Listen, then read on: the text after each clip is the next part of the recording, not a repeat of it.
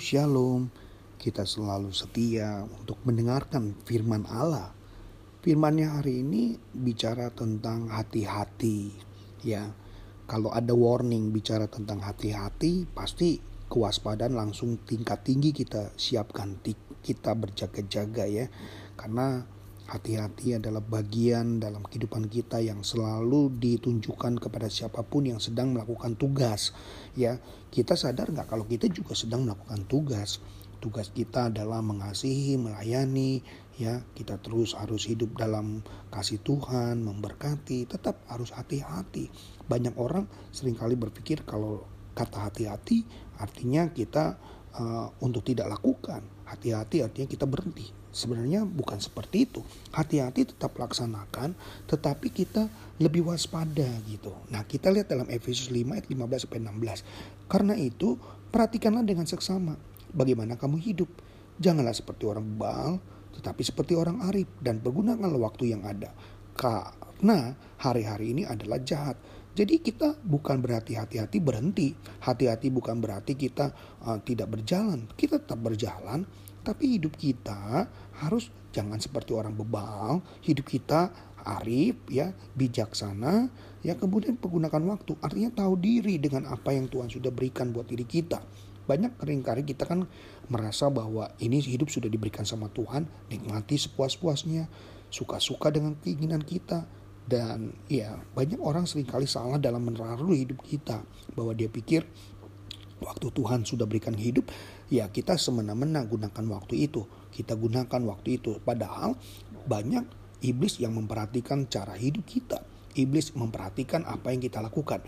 Jangan masuk dalam jebakan iblis. Ya jemaat Tuhan jangan masuk dalam jebakan iblis. Kadang jebakan iblis itu awalnya enak ya, awalnya manis, kelihatannya indah, tetapi di balik itu semua jurang maut, di balik itu semua neraka. Hidup ini dunia ini ibarat berjalan di ladang ladang yang penuh dengan ranjau, yang penuh dengan jebakan, dan itu juga mematikan, bahkan menggagalkan. Banyak Allah sudah merancangkan yang baik, tapi karena kita nggak memahami, kita nggak mengerti, kita jadi jatuh, kita jadi lemah, bahkan nggak sedikit banyak orang yang menderita. Nah, janganlah kita menjadi orang yang kena ranjau. Akibat ranjau banyaknya korban-korban tentara Amerika di Vietnam itu mereka tahu mereka tidak bisa mengalahkan Amerika dengan lawan senjata dengan senjata. Tapi mereka membuat taktik yaitu memasang ranjau di perkebunan mereka di sungai-sungai mereka sehingga itu berdampak buruk.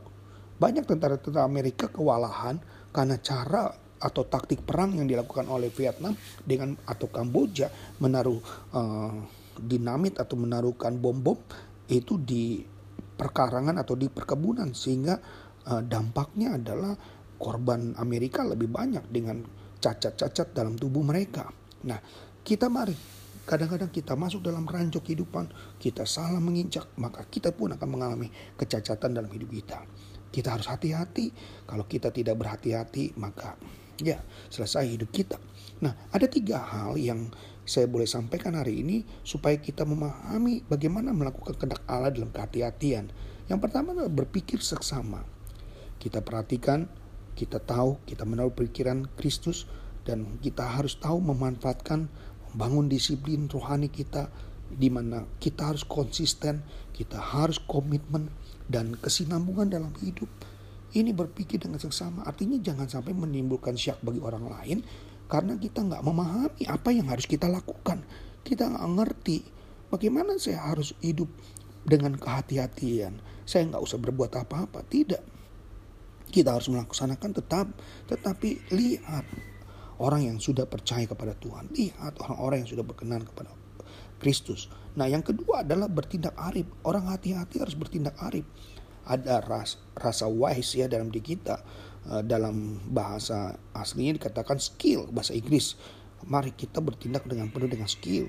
Orang yang arif adalah orang yang mengikuti firman Tuhan, terampil dalam hidupnya, dan ada nilai-nilai kepatutan dan dia juga peduli dengan keselamatan kesejahteraan orang lain, maka kita memiliki uh, orang-orang uh, arif yang luar biasa. Orang-orang arif adalah orang yang takut akan Allah. Mulai dari keterampilan menetapkan prioritas hidup kita dengan benar, mendahulukan Tuhan, mendahulukan keluarga kita, dan kita harus lebih dari segala, uh, mereka harus lebih dari segala-galanya daripada diri kita. Nah, ini yang harus kita pahami rasa bagaimana orang menjadi nyaman dengan keberadaan kita. Yang ketiga yaitu memakai kesempatan. Ingat, kita di, dikejar dengan waktu. Waktu ini akan berakhir, waktu ini bicara tentang kesempatan, waktu ini bicara tentang bagaimana kita harus kembalikan menjadi fungsi yang baik. Jangan sampai kita sudah waktu berjalan tapi kita nggak bisa buyback, kita nggak bisa kembalikan dengan hidup yang bermakna. Banyak orang yang punya waktu tapi mereka tidak maksimal dalam menggunakannya. Banyak dikasih waktu tapi mereka tidak melakukan waktunya dengan sungguh-sungguh. Mari kita harus hati-hati supaya jangan sampai kita um, kejeblos ya dalam bahasa sehari-hari kadang kejeblos kita masuk dalam lumpur sehingga kita sulit untuk membangunnya. Mari siapa kehidupan kita adalah kesempatan. Jadi hati-hati semuanya penting pikiranmu, perkataanmu, ya, perbuatanmu, ya, tingkah lakumu, bahkan itu akan menjadikan integritas buat kehidupan kita. Saya rasa itu saja yang menjadi berkat buat saudara dan saya dan firman yang memberkati kita. Tetap hati-hati, jaga diri kita supaya kita tetap jadi berkat. Tuhan Yesus memberkati. Shalom.